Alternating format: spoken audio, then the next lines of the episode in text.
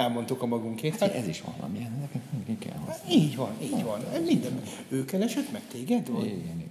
No, hát ugye mindjárt más a státusz, hogyha te keresel valakit, hogy tennél egy ilyet, vagy ha, vagy ha téged keresnek meg egy ilyennel. Úgyhogy, igen.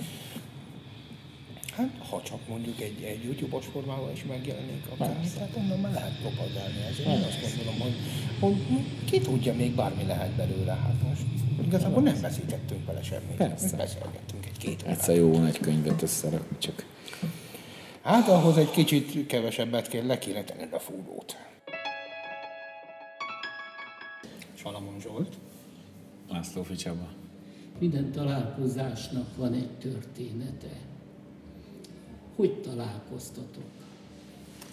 Hát nem lesz nagyon lírai a szöveg, vagy egy borzasztó egyszerű, meg hétköznapi mi találkozásunk, hogy mi még sose találkoztunk személyesen. Tehát igazából a virtuális világban találkoztunk így. Telefonon beszéltünk meg cseten elég sokat, de személyesen sosem találkoztunk. Ugye, a legnagyobb közösségi oldalon én felfigyeltem a Zsoltnak a fotóira egy Urbexes csoportban, a, ugye, ez micsoda? Ez az Urbexes csoport, ugye ez egy ilyen, na majd erről Zsolt fog többet beszélni pontosan, de ilyen elhagyott épületeknek a mondjuk fotózásáról, vagy egy, inkább egy kicsit az életérzéséről van szó, az ott hagyott pillanatok, a múlt, meg egyáltalán a mozdulatlanság. Szóval ez egy ilyen bonyolultabb dolog, e, és e, felfigyeltem a Zsoltnak a fotóira, mert nem olyan volt, mint másoké, hanem volt egy ilyen nagyon sajátos hangulata ezeknek a képeknek és ezért gondoltam, nekem meg voltak ezek kapcsolatban gondolataim, szóval hogy elindított bennem valamit. Én igazából egy ilyen történelemmániás vali vagyok, vagy hát mindig is az voltam. Talán még azt is elmondom, hogy én, én Kalocsán születtem egyébként, és ott is nevelkedtem 18 éves koromig, és volt egy, egy ott helyben nagy nevű, mondjuk történelem tanár, Baratlai Sándornak hívták őt, és ő nekem nagyon sokat beszélt a történelemről, volt minden hétfőn egy találkozónk, már, már általános iskolás koromban is, és gimnazista koromban is, és akkor hétfő esténként a világ történéseit megbeszéltük, meg a történelemről beszéltünk így szabadon. Szóval így elindultunk valahonnan, és kiukadtunk valahova. És ezekre nagyon, ezekre nagyon megfogtak ezek a beszélgetések, meg mindenki is érdekel, mondom, a történelem, meg a családok története is, meg a rendszerek története is, meg ez az egész, és akkor rájöttem, hogy ezek piszkosul összekapcsolódnak az épületekkel, ezek a történetek. Főleg ebben a mi kis sajátos kelet-európai létünkben. És a, a Zsoltnak a fotóiból éreztem azt a hangulatot, hogy ezt igazából meg lehetne jól írni, és hát akkor ráírtam a Zsoltra, majd mond valamit, hogy felhasználhatom-e a képei, képeit, a, tehát írhatok-e hozzájuk egy szöveget, és ő végül is nem küldött el engem, tök rendes volt, mondta, hogy próbáljuk meg, és így akkor elkezdtünk elkezdtünk így együtt dolgozni ezeken a dolgokon. Sokan keresnek meg a, a fotóim miatt, legtöbbször, legtöbbször azért, hogy megtudják, hogy most ez hol készült, miért készült, hogyan kell oda menni, vagy, vagy épp hogyan nem kellene oda menni.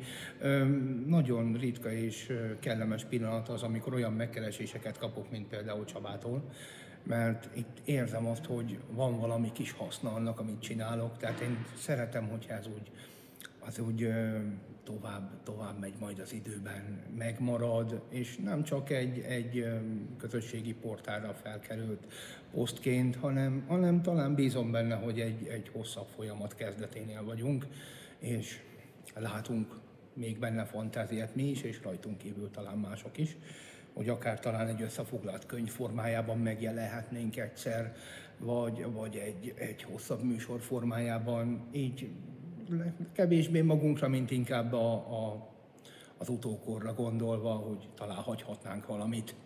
Ha már ránk is hagytak valamit, így az épületeken keresztül, akkor én bízom benne, hogy mi is hagyhatunk valamit így közösen a, a, az utókorra. Csaba azt mondta, hogy a történelem volt az indító mozgatórugója. Nálad mi? A kíváncsiság. Nálam a, én először nem hittem el, hogy ilyen, ilyen helyszínek léteznek. Tehát nagyon sok amerikai filmben látjuk a kis szellemvárosokat, az olyan helyeket, az olyan épületeket, amik, amik magára hagyatva állnak és, és várják jobb sorsukat. én nem hittem benne, hogy Magyarországon ezek léteznek, tehát én 2015-16 környékén szembesültem vele először, mikor egy ismerősöm meghívott egy ilyen helyszíni fotózásra, és én ámulva néztem, ez Szent Király Szabadján az egykori katonai város volt, amit én először egy ilyen helyet így, így tudatosan meglátogattam. Ámulva néztem, hogy de, de miért történt ez, hogy, és, és utána kezdődött bennem az a folyamat, hogy utána olvassak helyszíneknek, és tudatosan menjek olyan helyekre, aminek ismerem a történetét, vagy, vagy szeretem a történetét, vagy megfog benne valami, és kíváncsivá tett hogy hol történt az esemény. Mert azért persze szép egy világról készült fénykép, de azért az illata mégis más. Tehát, hogy uh-huh. szeretjük, hogy ha megízlelhetjük helyszínen, hogy milyen is volt ott élni. Neked mi a szakmád? Én faipari technikus vagyok alapvetően. Úgy is dolgozom? Úgy is dolgozom, mellette fotográfusként most már lassan 20. éve. Tehát annó úgy kezdődött ez a történet, ha szabad hogy az akkori párom foglalkozott fotózással, azt tanulta pontosabban, és közbe-közbe úgy elrángatott magával. Menjünk ide, menjünk oda. Aztán egyszerűen csak úgy, úgy kedvet kaptam, rám ragadt, és, és elkezdtem én is tanulni, foglalkozni vele. Aztán némi rendezvényfotózás, némi esküvő, egy-két ilyen iskolai esemény, aztán, aztán ez valahogy nem, nem az én világom, tehát értem én, hogy mindennek van egy anyagi oldala, de, de én azt gondolom, ez kiöli az ember lelkét. Úgyhogy úgyhogy inkább saját szórakoztatásra is. És az épületfotózásban, ezekben a romos helyek fotózásában találtam meg azt, amit, amit úgy szívesen csinálok. Nagyon prózai foglalkozást végzek, és, és talán azt kompenzálom is valamilyen módon ezzel, amit csinálok egyébként. Én szájsebész vagyok, implantáció, a bölcsességfolka, ilyesmilyen foglalkozom. Ez egy nagyon materiális foglalkozás, úgy mondhatnám. Ezért kell az embernek valamilyen lelki töltődés, meg ilyesmi, egy kis intellektuális tevékenység, és ezért is csinálom ezt tulajdonképpen. Engem rengeteg minden érdekel. És az irodalomtól a vitorlázásig, az utazásra, de nem tudsz mindent csinálni, mert már egyszerűen nincs is az energiád, meg időt se. És egyébként ezekkel az írásokkal is néha úgy, néha úgy jobban belehúzok, néha meg hónapokig nem történik semmi, mert egyszerűen nincs időm, elfáradok, és akkor nem tudok ezzel foglalkozni. Szóval tudnék, csak akkor az úgy vacak lenne, hogy nem akarom. Hát egyébként mindig írtam valamit, tehát írtam novellákat, meg, meg, meg még talán verseket is szoktam néha írni. Valószínűleg minden kiszokott, csak olyan kínos elmondani, vagy a fene tudja, de nem, szerintem nem az egyébként. Szóval írtam így sok mindent, meg, így, meg, meg, meg ol, olvastam is örök életemben, nagyon sokan is szeretek, szeretek ma is olvasni bizonyos dolgokat. Egyébként az olvasottsági műveltségem az kicsit féloldalas, mert elsősorban történelmi dolgokat szeretek olvasni. Történelmen belül mi az, ami megfog? 20. század, teljesen egyértelműen. 20. század. Tehát a múlt évezred vége. Igen, a múlt évezred vége. Hát elég egy mozgalmas évszázad volt. Ez, ez velünk él, tudod? Tehát ezekben az épületekben is, például ezekben az épületekben klasszikusan velünk él, ott a, a falból jön a múlt. Tehát itt akármit, hogyha belegondolunk, azért tulajdonképpen a mondjuk a 44-től 52-ig tartó időszakban ezekkel az épületekkel kapcsolatban, ami, amikkel én foglalkozom, és a Zsolt munkásságának az egyébként csak egy szelete, amelyel foglalkozom, mert ő például szereti az ipari dolgokat, szereti a laktanyákat, meg ilyesmiket, szóval sokkal urbexesen ilyen szempontból. Ami engem érdekel, az mondjuk magyarországi vonatkozásban, ebben a kis kelet-európai régiónkban, hogy 44 és 52 között létre, létrejött, vagy megtörtént egy radikális változás ezeknek az épületeknek a sorsának a cserélődésével, a gazdáik sorsának a cserélődésével kapcsolatban. Hiszen mondjuk 44-ben gyakorlatilag a zsidó vagyonok elvételétől kezdődően majd a kommunista éra, az arisztokrácia, a nagypolgárság eh, teljes vagyonvesztése, ami 52-re nagyjából befejeződött, és az épületeknek és az embereknek a sorsa, én adtam is ennek egy ilyen latinos címet, egyébként ez a sorsok és emberek, ember, épületek, bocsánat, sorsok és épületek, szóval igazából az, ahhoz a, az épületek sorsának megváltozása az pont akkor történt meg, amikor a tulajdonosaik elveszítették ezeket az épületeket, és az ő sorsuk is radikálisan változott akkor. Még itt hadd had szúrjak be egy dolgot. Igen. Van egy konfliktusom mondjuk nekem, esetleg sokszor az urbexesekkel, ugyanis ebben az urbex világban, az elhagyott épületek és az ott levő uh-huh. mozdulatlanság, van, van egy ilyen mánia, hogy nem szabad megmondani, hogy amit az urbexes fotós, jól mondom, az urbexes fotós fotóz, az hol van. Tudod, azért nem szabad megmondani, hogy ott az lenne az ideológia, hogy ugyanúgy maradjon minden, ahogy volt. Na most az nem tudom, érted, amit mondok, hogy, hogy az, a, az az élmény, ez a felfedezés élmény egyrészt másokat is részesüljenek majd benne, ami ő érte Igen. ott. Másrészt pedig, hogy az állag megóvás miatt, tehát hogy tudom, vannak ott kibelezett babák, meg ne, azok ugyanúgy legyenek, mint ahogy egykor ott hagyták, ki tudja hány évvel ezelőtt. Itt ennek ez a lényege, csak, csak hogy pont az a szegmens, amivel én foglalkozom, ott már nagy részt onnan már nincs mit elvinni és nincs mit tönkretenni. És nagyon nehéz azt elmondani, hogy mondjuk a Szentegáti Biederman kastély, most e, hogy mondod meg, hogy ez a Szentegáti Biederman kastély, de nem mondom meg, hol van. Hát bemegy az ember Szentegátra, az ott van a Biederman kastély, és például a Biedermannak a története az egy borzasztó érdekes történet. Ugye egy, egy, egy, egy nyugat-európai zsidó család hogy válik magyar nemessé, és hogy veszít majd el mindent a, a kommunizmus idején, már még minden túlélünk, minden túlélünk, de majd 50, 1950 körül a Galamb utcai lakásból, már mikor a Biederman mindent elbukott, lemegy a kávézóba, és onnan viszi el az ávó. Ugye, tehát, és az egész, most hogyha lemész oda abba a Szentegáti kastélyba, jó mondom, tehát ott Szentegáton, egy, egy gyönyörű.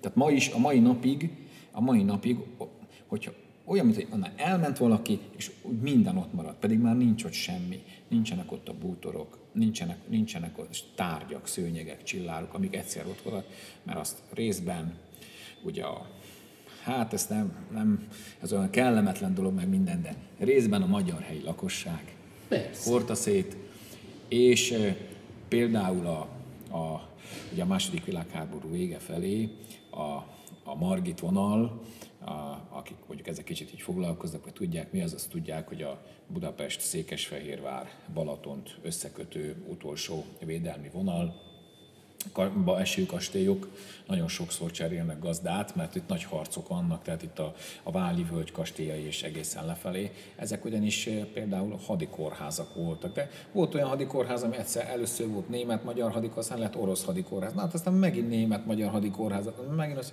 és el lehet képzelni, hogy milyen ezeken átment a történelem, utána még jön a majd mindegyikből magtár lesz, vagy valami TSG állomás, akkor oda belerondítanak, gyakorlatilag tönkre megy, utána jön a, a rendszerváltás, és csodák csodájára nem az történik, hogy ezek élni kezdenek ezek a kastélyok, mint mondjuk Ausztriába, hogy vagy a család tulajdonában van, vagy valami közművelődési intézmény van benne, és maga a csoda. Nem. Valaki, hát lehet így mondani, valaki ellopja, elprivatizálja, sokszor külföldi állampolgárok csinálnak rajta egy áfacsalást, és utána ott hagyják a francba az enyészetnek az egész kastély. Ez egy nagyon tipikus magyar kastély sors. Jelenleg is fut egy kastélyfelújítási program, aminek a keretében, hát én Vas megyei lévén ezt követem inkább nyomom, négy-öt kastély talán az, amelyik épp felújítás alatt, előtt áll, közben áll, tehát megkezdődtek a munkálatok. Hát ha módonban áll, akkor többször is megnézem, megtekintem ezeket az épületeket, hogyan változik a sorsuk. Fotózod és, is? Uh, igen, igen, fotózom is, ha úgy van, és úgy van rá engedélyem, akkor, akkor egy drón videóval is, vagy, vagy felül, felülnézetből, hogyha épp egy tetőszerkezetet cserélnek, vagy a belső részt cserélnek. Igyekszem folyamatosan dokumentálni, tehát uh, ami, mire Csabához eljut egy-egy sorozat, lehet, hogy már 3-4-5 lépcsőben is vagy, vagy az az épület abban a formában már talán nem is létezik, talán épp a Magyar Fecsődi Kastély kapcsán volt egy ilyen kis eszmecsere, hogy ugyan mire megíródott, addigra, addigra teljesen gyakorlatilag a csupasz falakig lepusztították az épületet. Próbálom megérteni, mert ember elmegy turistának, vagy kirándulni, akkor plattyintgatja a tájat, aztán azzal kicsit magáévá teszi, olyan, mintha az övé lenne De ez, hogy kifejezetten kastélyokra már csinálsz mást is, Hm. más helyszíneket igen. is, de hogy a kastélyokkal mi a helyzet? Szóval mi az, ami hajt ebben? Hát én egy kastélyban nevelkedtem, tehát én, én oda születtem, nem ott, hanem oda születtem. Egy, hát Sorki faluban a Nádasdi kastély volt a, az én kis szülőhazám, mondhatni így. A nagypapám miután államosították a székvízüzemét és egyéb kis magánlakását, ezt, azt, azt kapott egy helyet egy bérlakásokká szabdalt kastélyban. És, és oda, oda kényszerültünk tulajdonképpen, akkor ezt nem láttuk annyira derűsnek, mint most így utólag visszagondolva, tehát tulajdonképpen én ezzel szocializálódtam, hogy, hogy, hogy nekem egy kastély az otthonom, és, és így igyekszem felkutatni őket, a kis testvéreit, hogy milyenek lehetnek, milyenek vannak még, melyiknek mi volt a sorsa, mert én, én benne éltem egy ilyenbe, és, és nekem ez, ez hát akarva akaratlan is nyomot hagy az emberben és úgy hajtja előre, hogy, hogy vajon milyen lehetett ebben élni másoknak. Hát én meg ilyenkor azt kérdem, milyen lehetett ezt kifűteni? Kemény munka volt, kérem, bár hát 8-9 éves voltam, mikor elköltöztünk a kastélyból, tehát igazából nekem ilyen jellegű emlékeim nincsenek, de valóban, tehát ott a cserépkályha az éjjel-nappal, mert hát ugye a kastélyok jellemző hozzá, jellemző tartozéka, bocsánat, a, a cserépkályhás fűtés, de bizony gazdaságtalan. Tehát most is, és azt gondolom, hogy a felújítások és a, az újrahasznosítások nagy gátja az, hogy gazdaságtalan épületek a kastélyok. Valahogy véletlenül bukkanunk rá, és akkor ott helyben megpróbálunk az internet segítségével utána keresni, vagy pedig éppen az idősebbekkel beszélgetni, hogy, hogy mi is volt ez, mi történt itt, mit érdemes tudni róla. És mi ez a történet, a, hogy hívják, Urbex? Ur... Hát ez az Orbán Exploration, ugye ez a városi felfedezés, ha így szigorúan akarnánk venni. Ez hát indult egy maroknyi fiatallal valamikor így a, a 2000-es évek elején, 90-es évek végén, akik elkezdtek olyan, olyan helyeket járni, ami, ami elhagyott ipari területek, vagy, vagy hát a nagy közönség számára nem látogatható, inkább így, így jelezném pontosan, mert ugye ez, ez a történet ez nem csak arról szól, hogy, hogy romos helyeket látogatunk meg, hanem olyan helyszíneket is, ami, a nagy közönség számára úgy, úgy nem publikus. Hát pontosabban igyekszünk. Kisebb-nagyobb sikerrel ezek, ez a helyek, ez a hely nem egyszerű engedélyeket szerezni, mert hát lássuk be, ez egy félig meddig illegális tevékenység. Hát végeredményben nem szakmailag csináljátok, hanem műkedvelőként, Ez érdeklődtök. Így és- van, így van.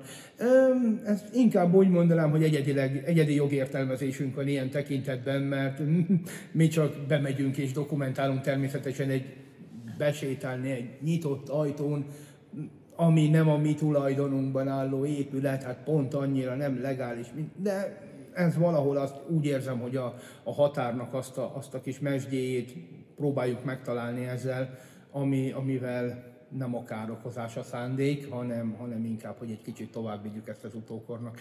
Persze nem mindig veszik jó néven, tehát volt ebből egy-két alkalommal nézeteltérésünk, de, de igazán problémánk soha. Tehát aztán miután meg, megértették, hogy valójában miért is vagyunk ott, akkor, akkor körbevezettek, segítettek, meséltek, stb. Csak ugye mm, mi nekünk is bele kellett ebbe tanulni. Tehát eleinte csak mentünk és igyekeztünk beosonni, most megyünk és igyekszünk kérdezni.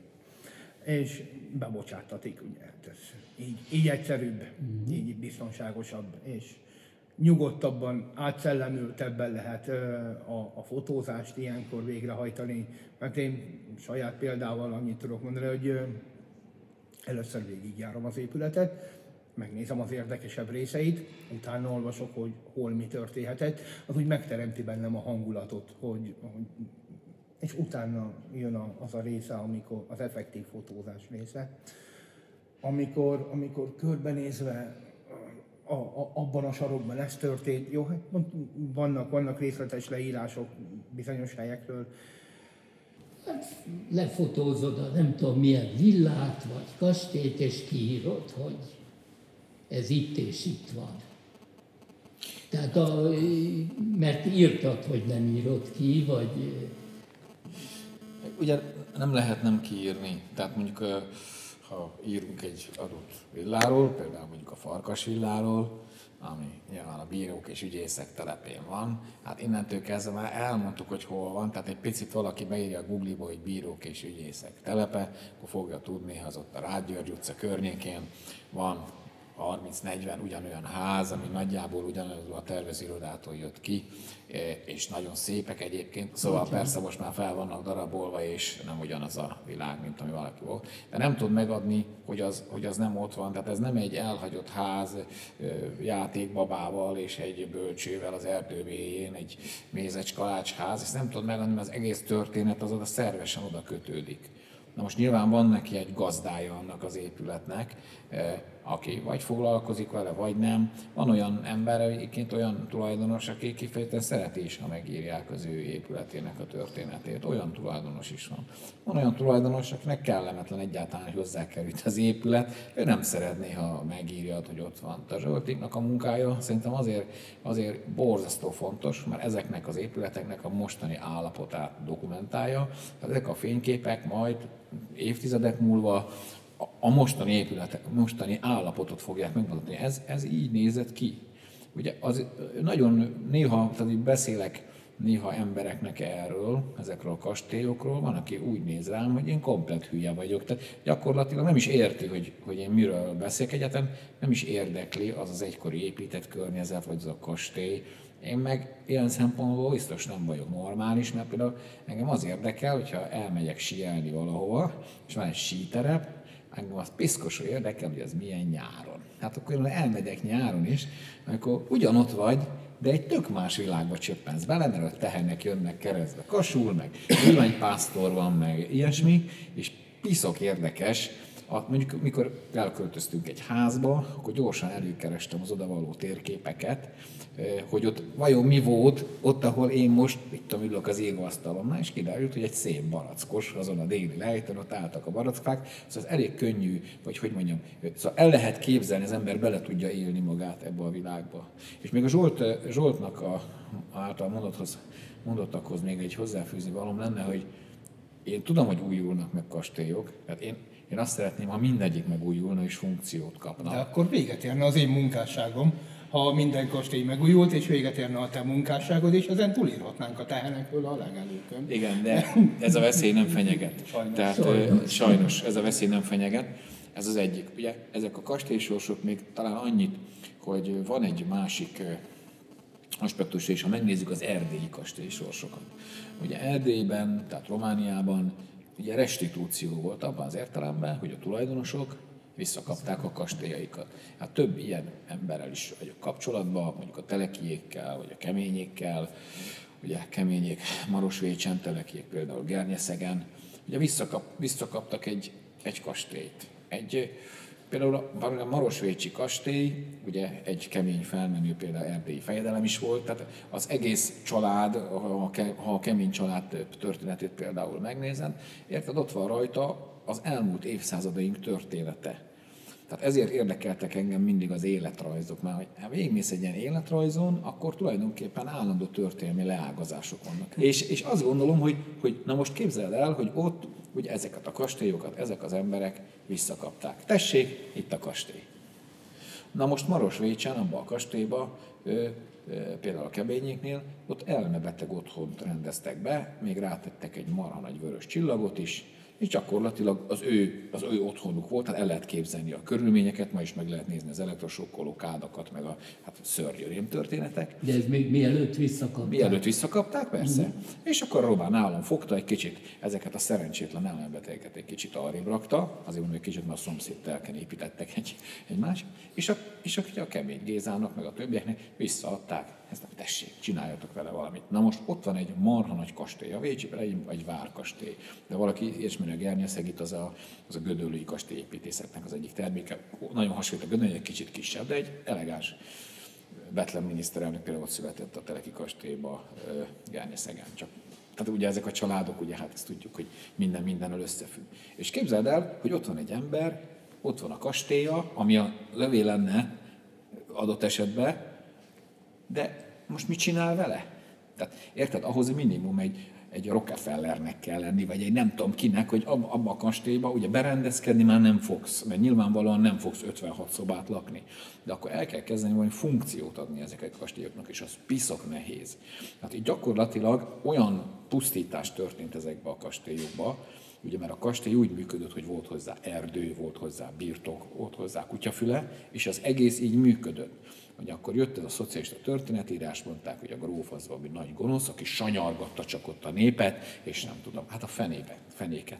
Hát a gróf elment agráriumot tanulni, hogy hogy is kell azt megművelni, hogy adunk. És az egész úgy működött. A társadalmi létéhez az a kastély, az szükséges volt, ott nincs mese. Tehát reprezentálni kellett, stb. Na most azok az emberek mit fognak azzal a kastélyjal csinálni?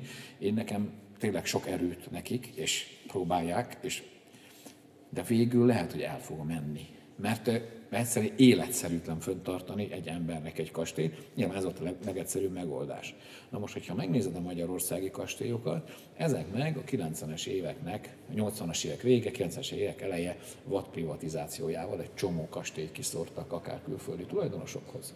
És gyakorlatilag nem az volt, hogy, hogy van ott egy koncepció, egyébként soknál volt koncepció, tehát olyan is volt, hogy majd vadászkastély lesz, wellness hotel, és valahogy nem valósultak meg ezek a dolgok. Úgyhogy a Zsolt mondja, hogy sok kastélyt felújítottak és funkciót kapott. Legyen így. De azért mondjuk a magyarországi kastélyok 80-90%-ában sajnos nem így van ma. És olyan szomorú látni egy ilyen kastélyt, tényleg a végtelenségig tönkre menni. A falak, hát olyanokat, Zsolt fotóit elég megnézni némelyiket. Egyébként nem vidámság jön a Zsolt fotóiból.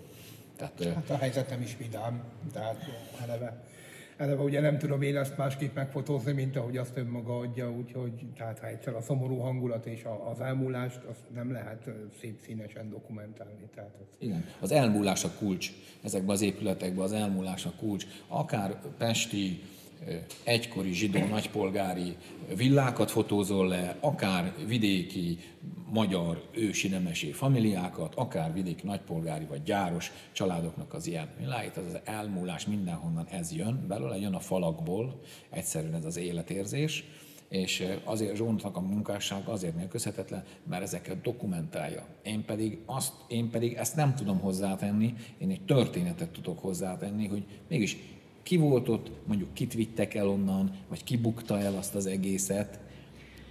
Stop, illetve folytassuk azzal, hogy igen, történetet. Honnan húzod elő a történetet? Hát ugye van egy nagyszerű lehetőség, ott van az az árkánum amit én azt, azt napi szinten imádom használni. Tehát nagyon szeretem a forráskutatás. Ma, ma egy történésznek a munkája, én például írtam ilyen orvostörténeti munkákat még egyetemista koromban is, 90-es évek elején. Hát napok mentek el azzal, hogy egyáltalán forrás kutattam az orvostörténeti múzeumban, a, a, nem múzeum, a könyvtárban, a Török utcába, meg minden iszonyatos.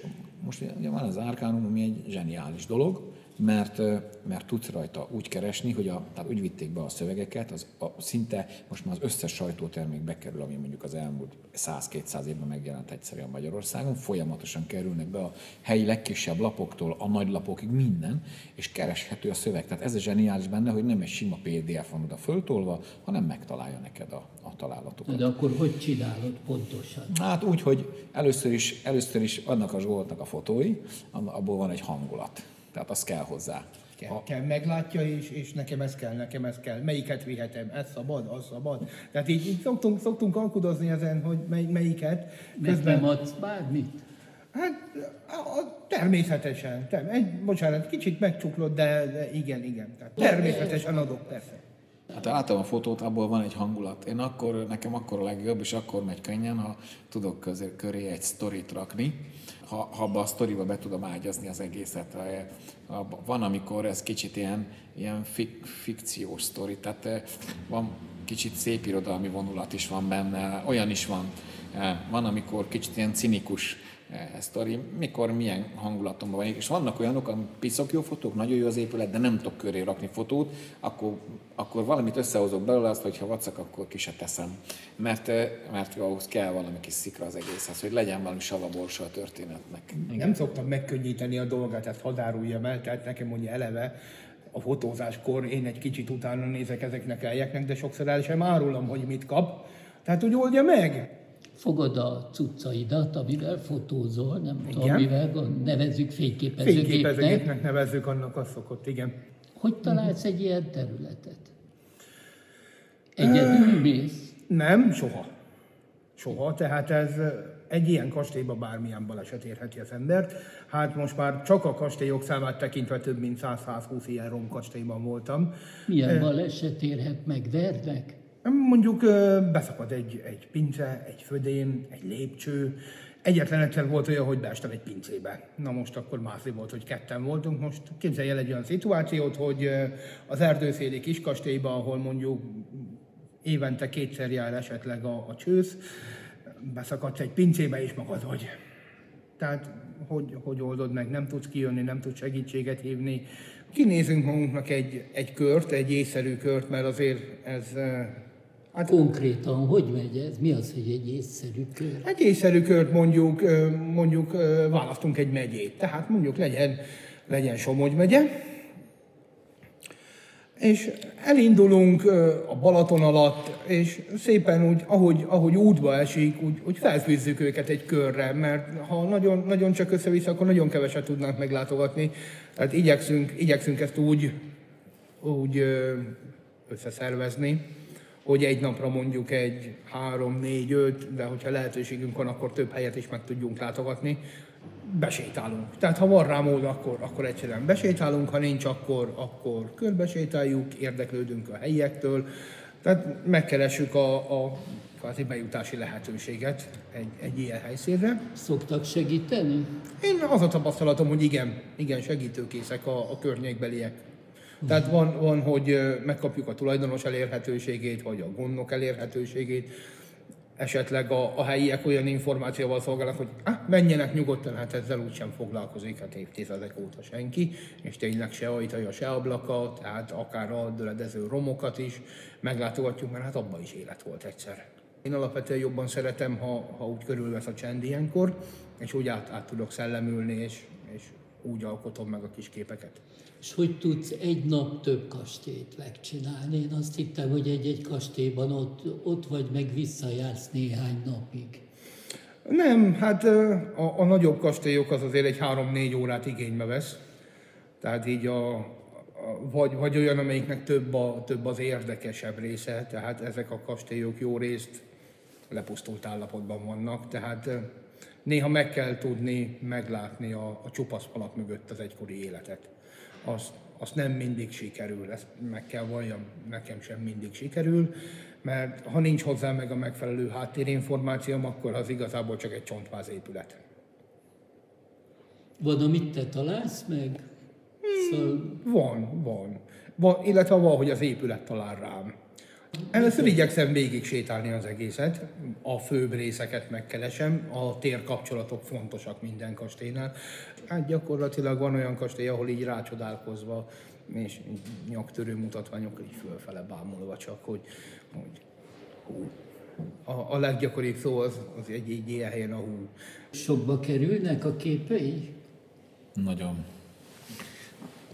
Nagyon Olyan drága, hogy ki sem tudom fizetni. Nem soha föl Ezért sem. inkább én el sem kérem az árát. Tehát mivel úgysem Tehát amikor te azt mondod, hogy eladod a képeidet, az annyit jelent, hogy, fel, hogy örülsz, hogy felhasználja. Így van, büszke vagyok, büszke vagyok Mhm. nagyon. Tehát Hát megtisztel engem azzal, azért- hogy, hogy az én képeimet választotta. Én, én azt gondolom, hogy a, ahhoz a minőségi íráshoz én nagyon szívesen adom a képeimet, amit, amit Csabától látunk. Kiszúrsz egy kastélyt, még nem voltál ott, esetleg láttad a fotóját, vagy valami, elkezdesz utána nézni. Mi az, amit keresel? Én sztorit keresek hozzá. Ha van hozzá sztori, akkor a, egyébként a magyar, a magyar arisztokrácia egykori kastélyaihoz kapcsolódó sztori az nagyon sokszor nagyon hasonló, mert a, mert a család birtokában levő kastélyt általában a család a 45-től 52-ig tartó időszakba bukja el, vagy veszíti el, vagy lehetetlenedik el, vagy menekül el a család onnan, vagy teszik lehetetlenné az ott létét. Ez, ez, de, de minden ilyen, ezeknek az arisztokat családoknak a felmerői között mindig vannak érdekes emberek. Most ez lehet egy botrányhős, vagy lehet egy nagy történelmi személyiség, őt, őt a fókuszba helyezve általában a kastély sztoriát meg lehet írni. Szóval amikor Tudsz a, egy példát? Hát amikor Mikost pusztán, a, Mikos, mondom? Uh-huh. Mikost puszta, Mikost pusztai kastélyba, ugye meg az a címe egyébként pont az írásnak, hogy ahol a mexikói trónörökös járta a táncot, már ott járta tényleg. Szóval ezek, ezek nagyon, nagyon, nagyon érdekes történetek, és erre lehet fölfűzni az egész történetet, és akkor valahogyan élővé válik. Hát én igazából nem egy ilyen, nem vagyok építész például, de mondjuk az épített környezet mindennél jobban érdekelt, mindig is az érdekelt engem az épített környezet.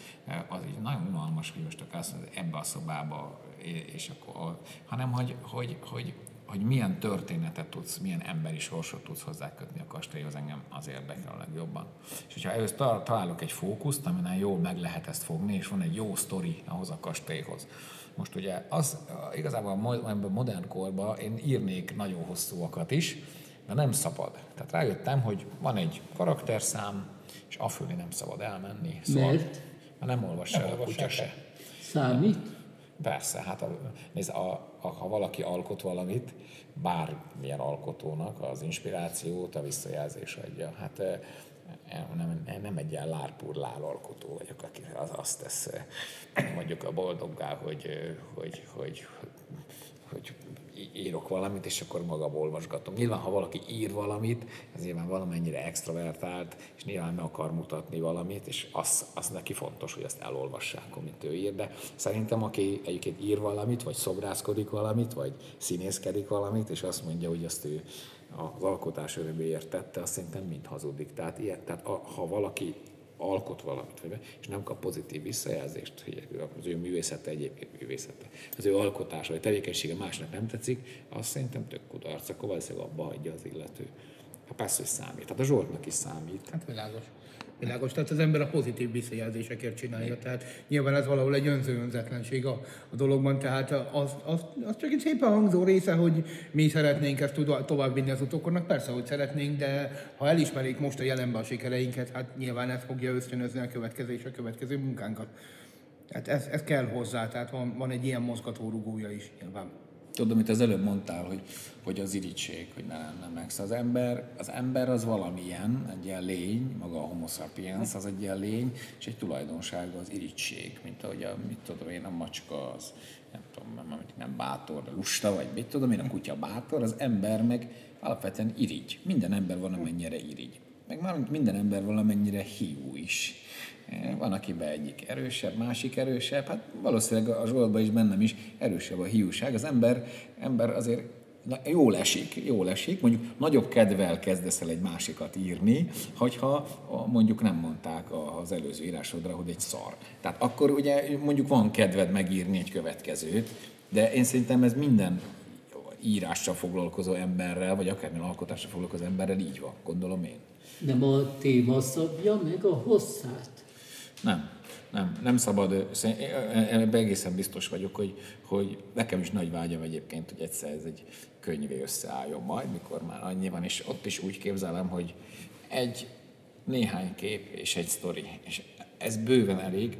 Uh, igazából, hogyha belegondoltok, ezekről a kastélyokról az emberek túlnyomó többsége gyakorlatilag semmit nem tud.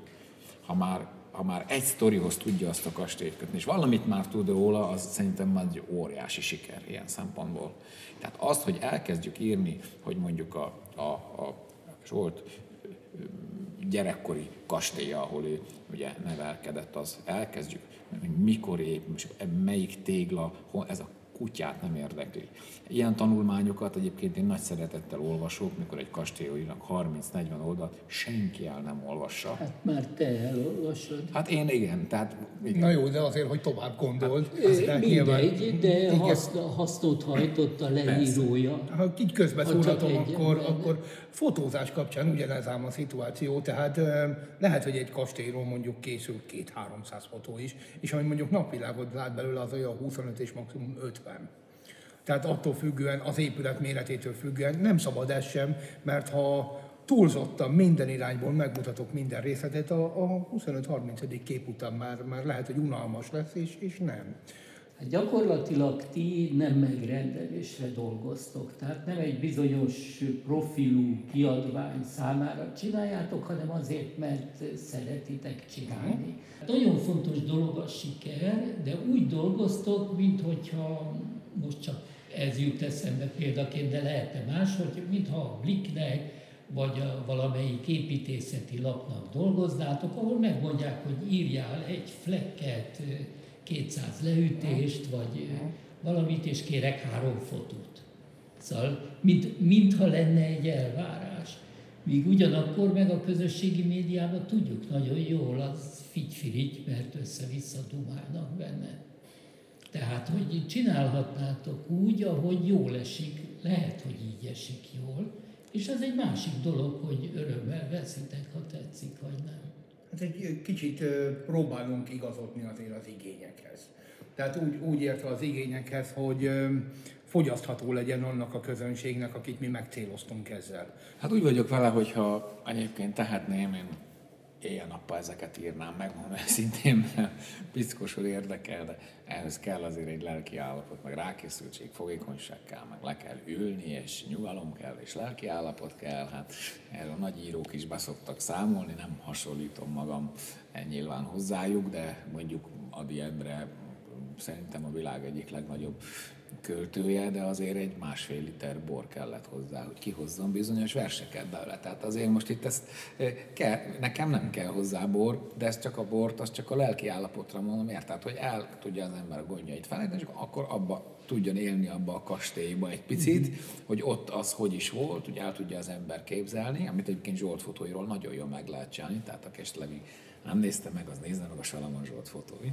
És eh, szóval az, az igazság, hogy, hogy, hogy tudod, ha, ha, ha mondjuk a, ezeket az írásokat a Zsolt képeivel valaki egy reggeli kávé mellett elolvassa, az nekünk, az nekünk piszkosul jó. És mi nem akarunk vagy én nem akarok nagy tanulmányokat írni ezekről a kastélyokról, hanem azért helyén kell kezelni a dolgokat, és én nem vagyok se muzeológus, se régész, se építész, én csak egy sztorit szeretnék megírni azzal az épülettel együtt, és ha már azt az emberek elolvassák, és az örömet jelent nekik is, mondjuk, már nekem egyébként örömet jelent megírni, akkor én attól boldog vagyok.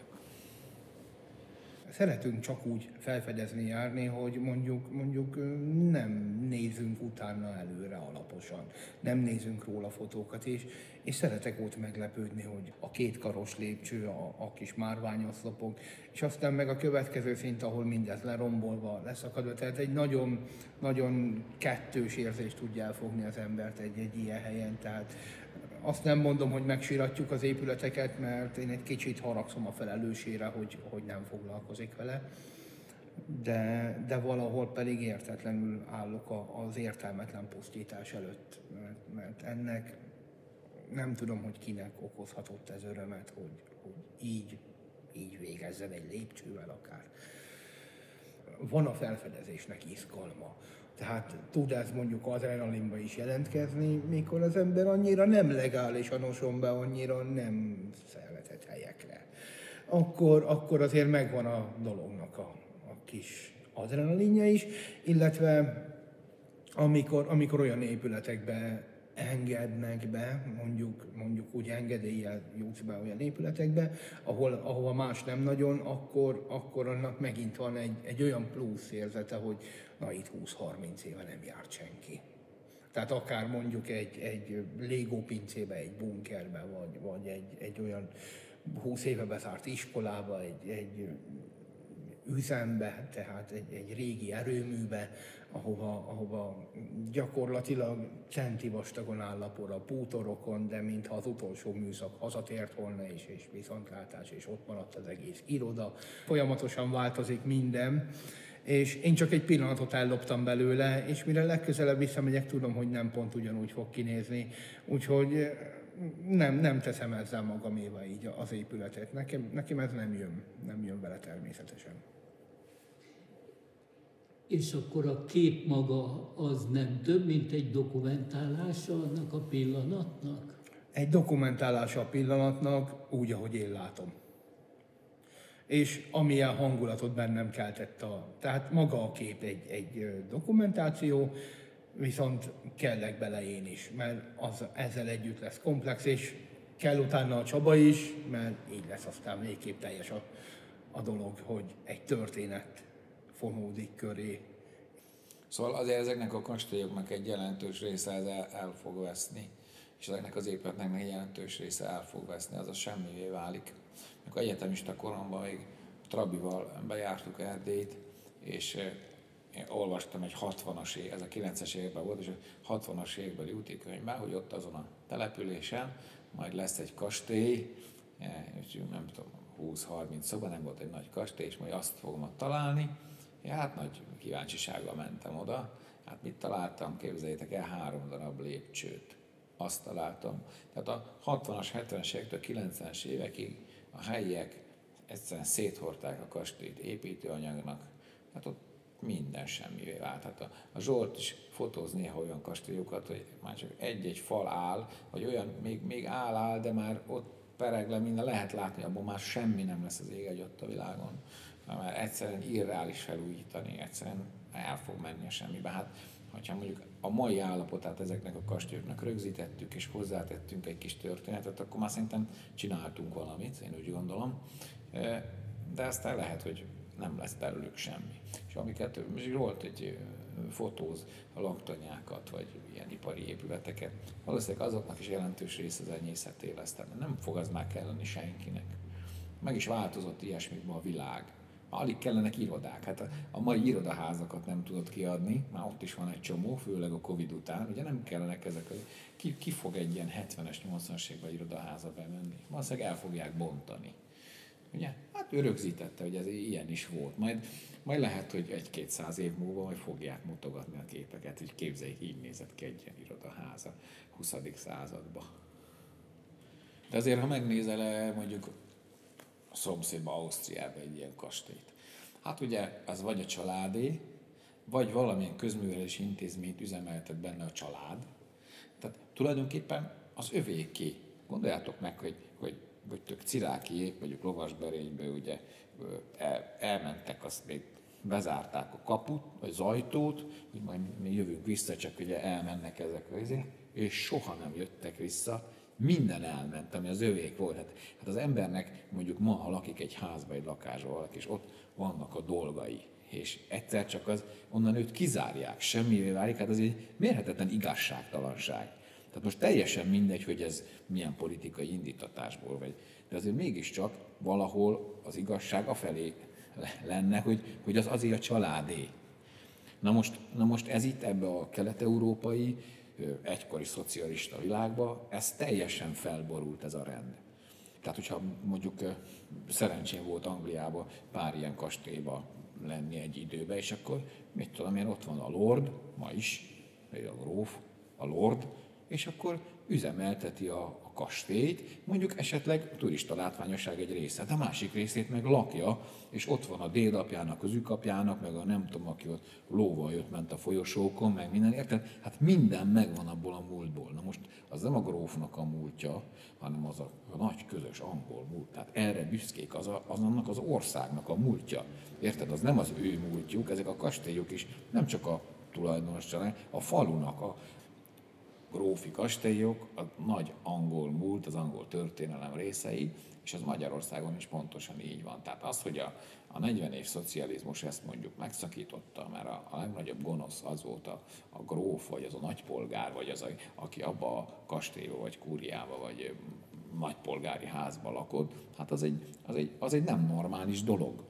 Ez egy nem normális dolog, és ezeknek a családoknak a sorsába ez egy visszafordíthatatlan romlást okozott, de nem csak a családok sorsába, hanem a magyar múltnak a sorsába, a magyar történelem sorsába, értve ezen az elkózott zsidó vagyonokat, értve ez alatt az arisztokraták, a nagypolgárok elbukott vagyonait, a családoknak ezt a megszakadó egymás generációknak az átadott örökséget, meg az ahhoz kapcsolódó kultúrát, meg az egész világot. Szóval ezzel nem csak ezek a családok veszítettek, hanem a magyar történelem, a hazánk is szegényebb lett azzal, hogy egy Ciráki kastély, vagy egy Széchenyi kastély, vagy egy Bánfi kastély, vagy akármilyen kastély olyan állapotban van, ahogy már arra együtt lehetnénk büszkék.